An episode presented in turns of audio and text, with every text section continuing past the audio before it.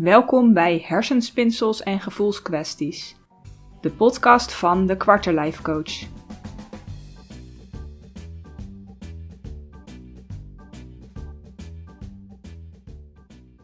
Mijn naam is Daphna Bontebal. En vandaag gaan we het hebben over keuzes maken. En dan specifiek eigenlijk het onrustige of angstige gevoel wat je soms kan hebben nadat je een keuze hebt gemaakt. Verder ga ik ook inzoomen op de diverse aspecten van keuzes maken. Wel of geen keuzes maken, foute keuzes maken, twijfels over je keuzes, bepaalde patronen die vast kunnen hangen aan angst of onzekerheid. het is weer een hele uitgebreide aflevering vandaag. Dus uh, ik weet zeker dat je er uh, iets aan gaat hebben. Veel luisterplezier.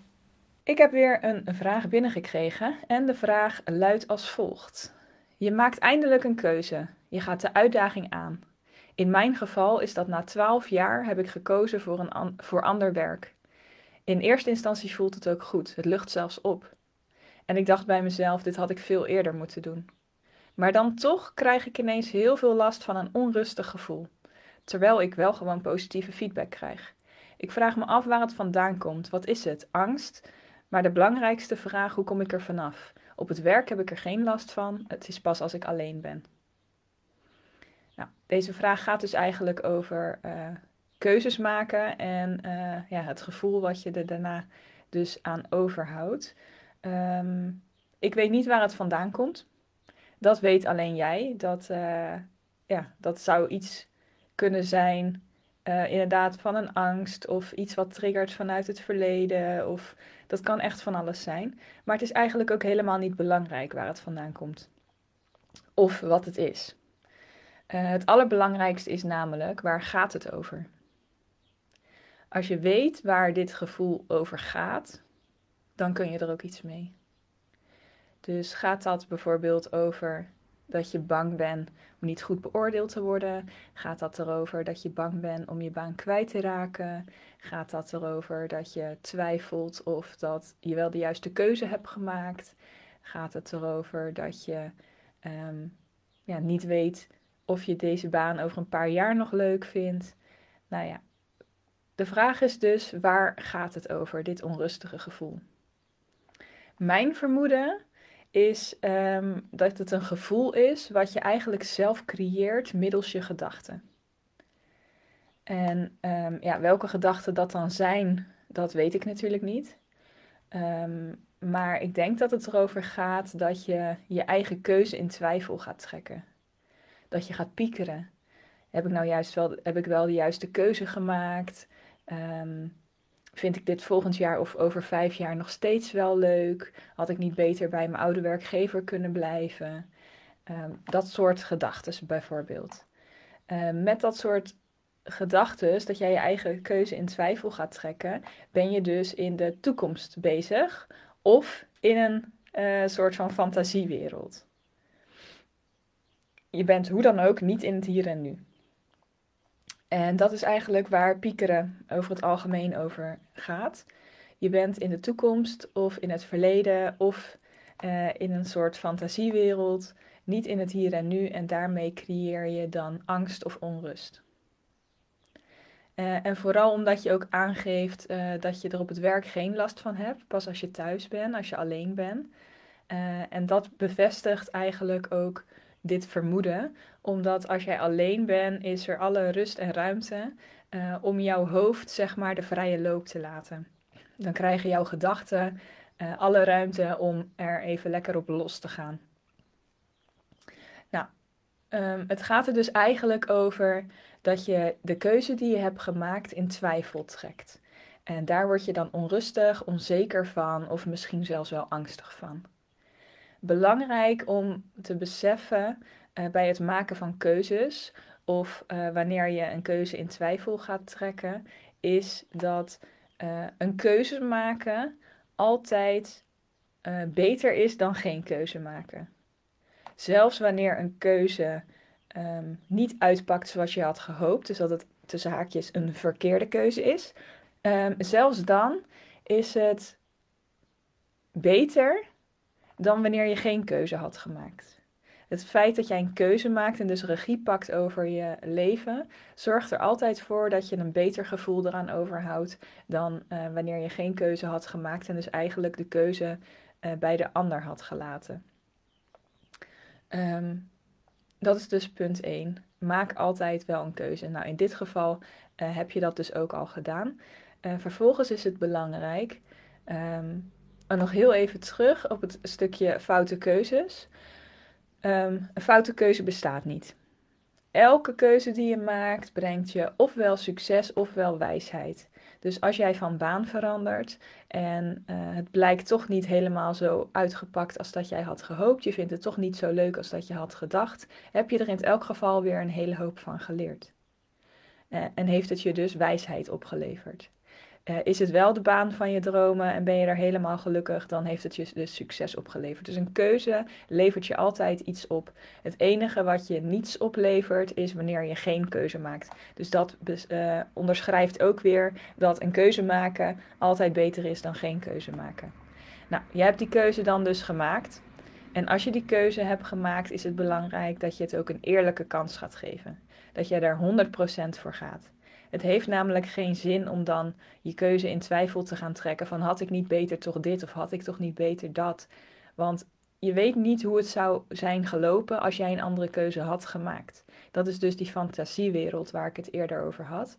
Als jij um, gaat bedenken van ja, misschien was het toch beter als ik dit of dat had gedaan, dan ben je een soort fantasiewereld aan het creëren hoe het gelopen zou zijn als je die keuze had gemaakt. Maar je hebt die keuze niet gemaakt.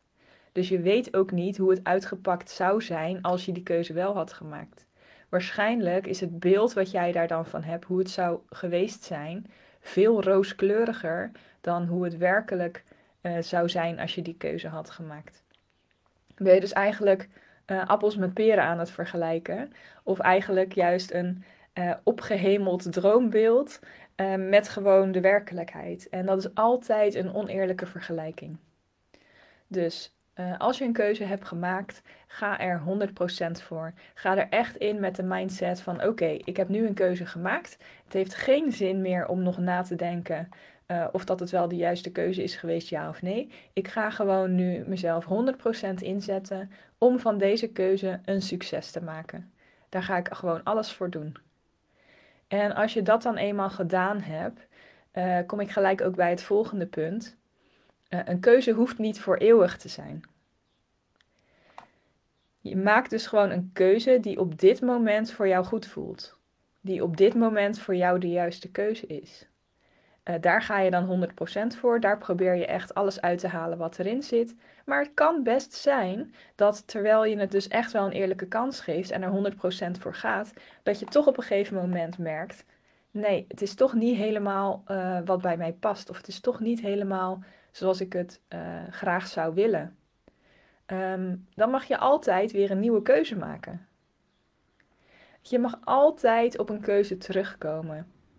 Je mag altijd, wanneer je een keuze hebt gemaakt en je hebt het een eerlijke kans gegeven en je merkt gewoon, het past nu niet helemaal meer bij mij of het is toch niet helemaal uh, zoals ik het had gewild, dan is dat prima. Mag je gewoon weer een nieuwe keuze maken. En dat betekent dus niet dat je de verkeerde keuze hebt gemaakt. Want je hebt die keuze gemaakt en die keuze was op het moment dat jij hem maakte, uh, was dat voor jou de juiste keuze in dat moment. Maar, nou ja, nadat je het een tijdje een kans hebt gegeven, kom je er toch achter: nee, het is niet helemaal voor mij. Op dat moment is het dus aan jou en is het voor jou het belang, of, uh, de beste keuze om weer een nieuwe keuze te maken. Dus dat is wat je eventjes heel goed uh, moet beseffen. Als je een keuze maakt, ga je er 100% voor. Een keuze hoeft niet voor eeuwig te zijn. Als jij merkt, Um, het past niet meer, het stroomt niet meer, het klopt niet meer. De puzzelstukjes passen niet meer helemaal in elkaar. Mag je altijd weer een nieuwe keuze maken. En dat is dus niet dat je dan een verkeerde keuze hebt gemaakt. Dan heb je ook niet gefaald. Dan heb je gewoon alles eruit gehaald wat je daaruit kon halen. En is het gewoon weer tijd voor iets anders. Nou, um, nog heel eventjes terug ook weer naar dat uh, piekeren en twijfelen. Van heb ik nou wel de juiste keuze gemaakt? Ehm, ja, dat onrustige gevoel. Um, waarschijnlijk gaat dat piekeren en je keuze in twijfel trekken en al die gedachten die je erover hebt, gaat waarschijnlijk redelijk onbewust. Je doet dat niet expres. Uh, je bent ook niet expres jezelf onderuit aan het halen omdat je vindt dat je een verkeerde keuze hebt gemaakt of al dat soort dingen.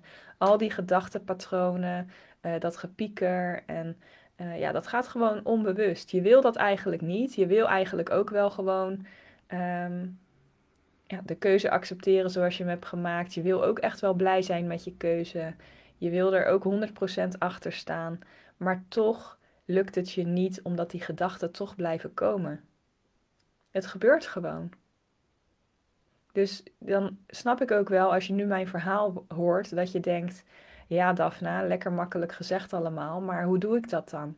Want het klinkt allemaal heel leuk en heel erg aardig, maar ja, ik heb geen controle over die gedachten die komen. Ik heb geen controle over die twijfels en over die, uh, dat gepieker. Dat gebeurt gewoon. Hoe stop je dat dan? En dat snap ik heel erg goed. Maar ik kan je daar geen kant-en-klaar antwoord op geven, nu hier in deze live. Um, dit gebeurt namelijk um, door bepaalde patronen die jij gedurende je leven hebt ontwikkeld. Je bent nu 20, 30, ik weet natuurlijk niet hoe oud je bent. Uh, maar al die jaren dat jij al leeft, doe jij het op deze manier. Je hebt dit van jongs af aan aangeleerd gekregen en dit is gewoon wat je kent. Dit is, sommige mensen zeggen het is wie ik ben. Dat is niet waar. Um, maar het is wel wat je kent. Het is jouw comfortzone. Het is zoals jij het altijd hebt gedaan. Het zijn patronen. En die gedachtenpatronen, die moet je dan gaan onderzoeken. Daar moet je vraagtekens bij gaan zetten. Die moet je in twijfel gaan trekken. Uh, ja, daar moet je mee aan de slag gaan. Uh, je moet je valkuilen gaan onderzoeken. Het is echt een proces van Waarom kijk ik nu naar de wereld zoals ik naar de wereld kijk? Waarom heb ik deze gedachten? Waarom pieker ik zoveel? Waar komt dat vandaan? Um, waar gaat het over? En um, ja, hoe kan ik dat aanpassen? Nou, dat is echt een proces waarin je dus uh, zoektocht gaat naar jezelf, naar je eigen patronen, je eigen valkuilen en dat je eigenlijk gaat graven naar waar ligt voor mij nu de kern. Vaak is er één kern één uh, overtuiging of één um, ja, groot ding, een grote onzekerheid of een gebeurtenis, of dat kan voor iedereen anders zijn. Wat eigenlijk de kern is waar heel veel van dit soort patronen uit ontstaan. Waar dus heel veel gedachten, die komen steeds weer terug uit datzelfde punt. Heel veel patronen, gedragspatronen. Um, nou ja, het is dus belangrijk om die kern op te gaan zoeken. Waar zit voor jou de sleutel? En als je dat weet, ja, dan is het eigenlijk niet zo heel erg moeilijk meer om dat aan te passen. Dan is het gewoon daarmee aan de slag gaan. Um, jouw blinde vlekken zichtbaar gaan maken. En uh, ja, als je dat kan omdraaien en daar anders mee om kan gaan, ja, dan zal je merken dat er heel veel gaat veranderen in je leven. Maar dit is iets wat je niet zomaar alleen kan. Uh, want veel mensen beseffen niet dat datgene wat onbewust is, uh, dat zijn dus blinde vlekken. Dat is onzichtbaar voor jouzelf. Je weet ergens dat je het doet, maar je weet niet goed waarom je het doet of waar het vandaan komt. En um, ja, dan heb je dus een spiegel nodig. Dan heb je dus iemand nodig die uh, jouw vragen gaat stellen, die ja, bepaalde patronen gaat opmerken en, bij je gaat uh, aanwijzen van joh, kijk hier eens naar of joh, ik zie dit gebeuren of dat gebeuren en misschien kan je hiermee aan de slag. En als je dan met zo iemand aan de slag gaat die dat eigenlijk voor jou spiegelt, dan wordt het in één keer zichtbaar. Dan komt het in het bewuste. En wanneer het in het bewuste is, dan kan je ermee aan de slag gaan. En uh, dat zou dus inderdaad een coach kunnen zijn. Dat zou ook een psycholoog kunnen zijn, maar psychologen werken vaak meer uh, in het verleden. Terwijl um, ik als coach heel erg in het hier en nu werk en met het zicht op de toekomst. Dus heel praktisch. Uh, en echt met hetgene waar je nu tegenaan loopt, wat kan je concreet nu doen? Welke stappen kan je concreet gaan ondernemen? En dat is een beetje het verschil tussen uh, coaching en een psycholoog. Um, dus mocht je daarmee aan de slag willen, dan uh, ja, heb ik daarvoor mijn diepdijfprogramma. Dat is echt te uitgebreid en te persoonlijk om hier zo te kunnen uitleggen. Dat is echt maatwerk. Dat is echt voor elke persoon werkt het anders. Voor elke persoon zit de kern ergens anders en voor elke persoon is de aanpak anders. Dus daar heb je echt een programma voor nodig wat specifiek voor jou uh, ja, gemaakt is. En dat is wat mijn diepdijfprogramma is. Ik heb een online uh, programma met daarin de basis, de theorie, wat oefeningen en wat opdrachten. Um, maar daarnaast is het allemaal maatwerk. We gaan echt wekelijks spreken we elkaar via een videocall. Dagelijks kunnen we schriftelijk contact hebben. Alles waar je tegenaan loopt, alle vragen die je hebt, die kan je direct via dat chatprogramma bij mij neerleggen. En daar geef ik je dan ook zo snel mogelijk antwoord op. En door dat intensieve één op één contact en het echt aan de slag gaan met datgene waar jij nu tegenaan loopt, ja, dat maakt echt uh, een wereld van verschil. En dat zorgt ervoor dat je heel snel bewust kan gaan worden wat er gebeurt. Dat je heel snel ook stappen kan gaan zetten om het anders te gaan doen. En uh, ja, ik zeg altijd, dat is waar de magie plaatsvindt. Dat is waar het allemaal gebeurt. En nee, ik heb geen toverstafje en nee, ik maak geen ander persoon van je. Um, ik kan geen wonderen verrichten. Maar um, ja, door zo samen intensief drie maanden aan de slag te gaan, gebeurt er wel een hele hoop. Ga je anders in het leven staan, verandert je mindset en bouw je echt een stevige basis voor jezelf. Je krijgt meer zelfvertrouwen, uh, je krijgt een positievere mindset, je gaat sterker in je schoenen staan, je kan makkelijker je grenzen aanvoelen en aangeven. Nou, en daarmee, met die stevige basis, um, kan je daarna zelfstandig ook weer verder gaan bouwen en kan je jouw leven vorm gaan geven op de manier zoals jij dat wil. Uh, en daarvoor krijg je ook echt op het eind een uh, plan van aanpak mee, die we samen uh, maken. Um, waarin we al jouw valkuilen uitwerken, kijken hoe weet je dat je erin komt? Hoe kom je er zo snel mogelijk weer uit? Wat kan je doen als dit gebeurt? Of wat kan je doen als dat gebeurt? Dus ik zorg ook echt dat je niet afhankelijk blijft van mij. Als het echt nodig is, kan je altijd weer even bij me aankloppen als, uh, als het toch moeilijk is om het zelf vol te houden. Maar over het algemeen zorgen we dat je met een heel goed plan uh, na die drie maanden uh, ja, weer afsluit. En dat je echt gewoon weet wat jou te doen staat om zelfstandig verder te gaan bouwen aan jouw leven zoals jij dat het, het liefst zou willen hebben en zou willen zien. Um, dus dat. Uh, even samenvattend. Um, een keuze maken is altijd beter dan geen keuze maken. Als je een keuze hebt gemaakt, geef het echt een eerlijke kans. Ga er 100% voor. Geef die twijfels en die gedachten over de toekomst en over het verleden en over je fantasie van stel dat ik iets anders had gekozen, geef die geen kans. Zet die echt aan de kant. Uh, probeer er gewoon echt het beste van te maken. En als je merkt dat dat niet meer lukt, dat het niet meer klopt voor je, dan uh, een keuze hoeft niet voor eeuwig te zijn. Je mag altijd een nieuwe keuze maken. En als je merkt dat je die gedachten niet tegen kan houden, um, dat je toch elke keer in dat piekeren terechtkomt, in die onrust terechtkomt, in die angst terechtkomt, dan is het echt belangrijk dat je jouw patronen gaat onderzoeken, dat je met jouw valkuilen aan de slag gaat en dat je iemand zorgt die jou daarin kan uh, helpen, kan, kan spiegelen en uh, ja, jou daarin kan ondersteunen en een beetje de weg kan wijzen. En mocht je dat samen met mij willen doen, dan heb ik daarvoor mijn diepdijfprogramma. Alle informatie vind je verder op mijn website. En uh, nou ja, stuur me gerust ook een privéberichtje als je er meer over wil weten. Dit was hem weer voor vandaag. Heel erg bedankt voor het luisteren en graag tot de volgende keer. Volgende week gaan we het hebben over hoe leer je een ander daadwerkelijk kennen. En hoe weet je nou of je een ander of jezelf echt goed kent? Nou, een hele interessante vraag weer, uh, waar ik volgende week dus dieper met je op inga. Dus ik hoop dat je dan ook weer luistert. Tot dan.